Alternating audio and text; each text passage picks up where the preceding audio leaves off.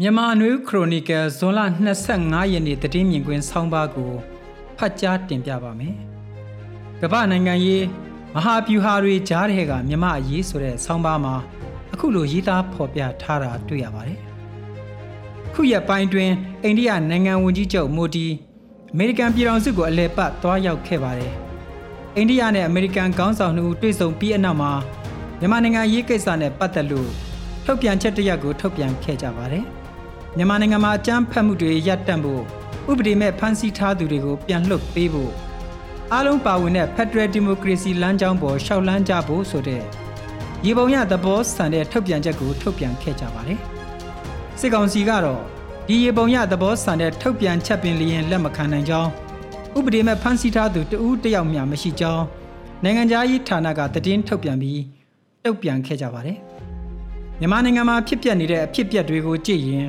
အကြမ်းဖက်မှုတွေကိုဖြစ်ပွားနေတဲ့အကြောင်းနဲ့ပတ်သက်လို့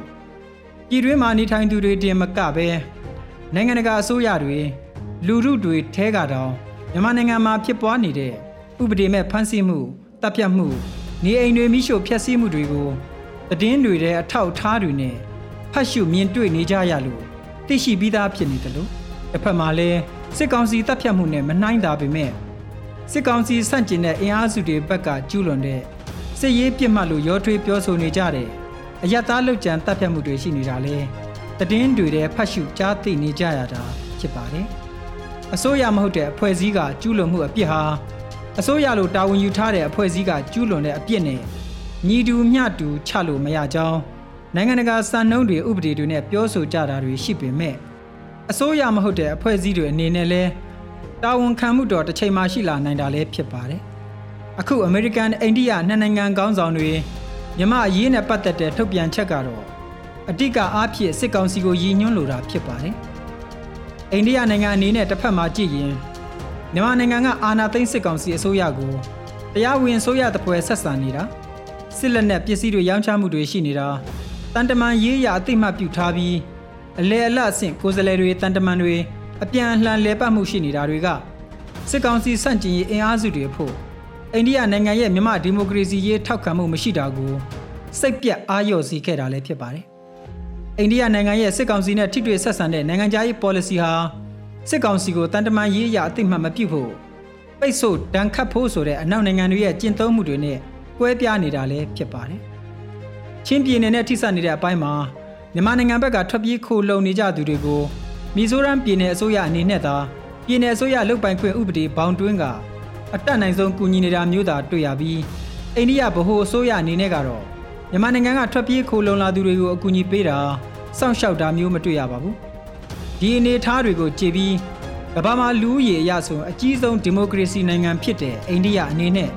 မြန်မာဒီမိုကရေစီရေးကိုမျှော်လင့်တဲ့လောက်ထောက်ခံအားပေးမှုမရှိဘူးလို့မြန်မာဒီမိုကရေစီရေးလှုပ်ရှားသူတွေကယူဆကြတာဖြစ်ပါတယ်တစ်ဖက်မှာလည်းအိန္ဒိယနိုင်ငံအနေနဲ့အိန္ဒိချင်းလည်းဖြစ်နေပြီး ကမ္ဘာအရေးတွေမှာမဟာအင်အားကြီးနိုင်ငံတနိုင်ငံဖြစ်လာနေတဲ့တရုတ်နိုင်ငံကိုမဲတင်းနိုင်ဖို့အတွက်အခြားသောမဟာမိတ်တွေလိုအပ်နေတာဖြစ်ပါတယ်။ဒီရှုထောင့်ရအိန္ဒိယဟာအမေရိကန်နဲ့ဆက်ဆံရေးကောင်းမွန်မှုစ조사တာဖြစ်ပါတယ်။အိန္ဒိယနိုင်ငံအနေနဲ့ရုရှားနဲ့အတိုင်းအတာတစ်ခုထိရင်းနှီးတဲ့ဆက်ဆံရေးရှိတာကတစ်ဖက်တရုတ်ရဲ့အင်အားလွှမ်းမိုးမှုဗိုလ်ချမှုတွေကိုစိုးရိမ်ပြီး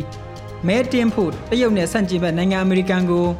မဟာမိတ်အဆင့်တစ်ခုထားဆက်ဆံဖို့လဲ တပြိုင်နက်တည်းလိုအပ်တာဖြစ်ပါတယ်ဒီလိုနိုင်ငံတကာမဟာဗျူဟာတွေကမ္ဘာလုံးဆိုင်ရာခင်းကျင်းတွေအောက်နိုင်ငံရေးအကျိုးစီးပွားတွေအောက်မှာမြမရေးကလစ်လျူရှုခံရတော့မလားဆိုတဲ့စိုးရိမ်မှုတွေကလည်းစစ်ကောင်စီစန့်ကျင်အင်အားစုတွေဘက်မှပေါ်ထွက်လာခဲ့တာဖြစ်ပါတယ်မြမဒီမိုကရေစီရေးလှုပ်ရှားမှုကိုအတက်ကြွဆုံးထောက်ခံသူစစ်ကောင်စီကိုဝေဖန်ဖိအားပေးတဲ့နိုင်ငံဖြစ်တဲ့အမေရိကန်ပြည်ထောင်စုအနေနဲ့မြမဒီမိုကရေစီရေးကိုထောက်ခံတော်လဲ ဒီမိုကရေစီရေးအတွက်လက်နက်ကင်တိုက်ခိုက်မှုလက်နက်ကင်လှုပ်ရှားမှုတွေကိုတော့အခုချိန်ထိတိုက်ရိုက်ကူညီထောက်ပံ့မှုမရှိပါဘူး။ဆီအာနာသိမ့်ပြီးစကတည်းကအမေရိကန်အစိုးရကလက်နက်ကင်နီးလန်းဟာအရင်းနှီးကြီးမားပြီးဘေးထွက်သက်ရောက်မှုအကျိုးဆက်တွေရှိတာကြောင့်အမေရိကန်ပြည်ထောင်စုအနေနဲ့ပါဝင်ခြင်းအားပေးကူညီခြင်းမပြုဘူးဆိုတာကိုတန်တမန်စကလုံးတွေနဲ့ထုတ်ဖော်ပြောဆိုထားခဲ့ပြီးအဆိုပါမူတိုင်းယခုချိန်ထိကျင့်သုံးနေခဲ့တာလည်းဖြစ်ပါတယ်။တစ်ဖက်မှာအမေရိကန်နဲ့ကမ္ဘာရေးကိစ္စတွေမှာ ပြိုင်ဘက်တနိုင်ငံဖြစ်တဲ့တရုတ်နိုင်ငံအနေနဲ့မြန်မာနိုင်ငံရေးမှာ၎င်းတို့ရဲ့ကိုပိုင်ချင်းကပ်မှုရှုမြင်မှုတွေထားရှိပြီးအဲ့ဒီရှုထောက်ကနေအဖြေရှာဖို့စ조사နေတာလည်းဖြစ်ပါတယ်။တရုတ်နိုင်ငံနဲ့ဆန့်ကျင်ဘက်အမြင်တွေရှိတဲ့အမေရိကန်ပြည်ထောင်စုထိုင်ဝမ်ရေးတောင်တရုတ်ပင်လယ်ရေးတွေမှာတရုတ်နိုင်ငံနဲ့ဆန့်ကျင်ဘက်ရပ်တည်ချက်တွေရှိတဲ့အမေရိကန်ပြည်ထောင်စုအဖို့မြမအရေးမှာတရုတ်နိုင်ငံနဲ့ရပ်တည်ချက်တချို့အကျိုးစီးပွားတချို့တူကောင်းတူခဲ့ရင် မြမအရေးကိုထိုင်ဝမ်အရေးကိစ္စလောက်တောင်တရုတ်ပင်လယ်အရေးကိစ္စလောက်ကမ္ဘာမဟာဗျူဟာကိစ္စမဟုတ်တဲ့ကိစ္စတစ်ရပ်ဖြစ်လစ်လျူရှုခံရမယ်စိုးရိမ်မှုမျိုးလဲရှိနိုင်တာဖြစ်ပါတယ်။အင်အားကြီးနိုင်ငံတွေအနေနဲ့တနိုင်ငံရဲ့ဒီမိုကရေစီအရေးလူအခွင့်အရေးတရားမျှတမှုတွေထက်ကမ္ဘာလုံးဆိုင်ရာအင်အားချိန်ခွင်ရှာအင်အားတံပြန်မဲတင်ဖို့ဥတီချက်ချင်းမတူတော့လဲအကျိုးစီးပွားတူတဲ့နိုင်ငံချင်းချင်း ယာယီအားဖြင့်အတူတကွရပ်တည်ကြတာတွေရဲ့ကြားမှာမြမအရေးကနောက်တန်းရောက်ပြီးလစ်လျူရှုခံရမယ့်အရေးလဲတတိပြုကဘယ်လိုကြိုတင်ပြင်ဆင်သင့်တယ်လဲဘယ်လိုရှင်းပြစည်းရုံးကြမလဲဆိုတာတွေးဆထားကြရမယ်အနေအထားလို့ဆိုကြပါတယ်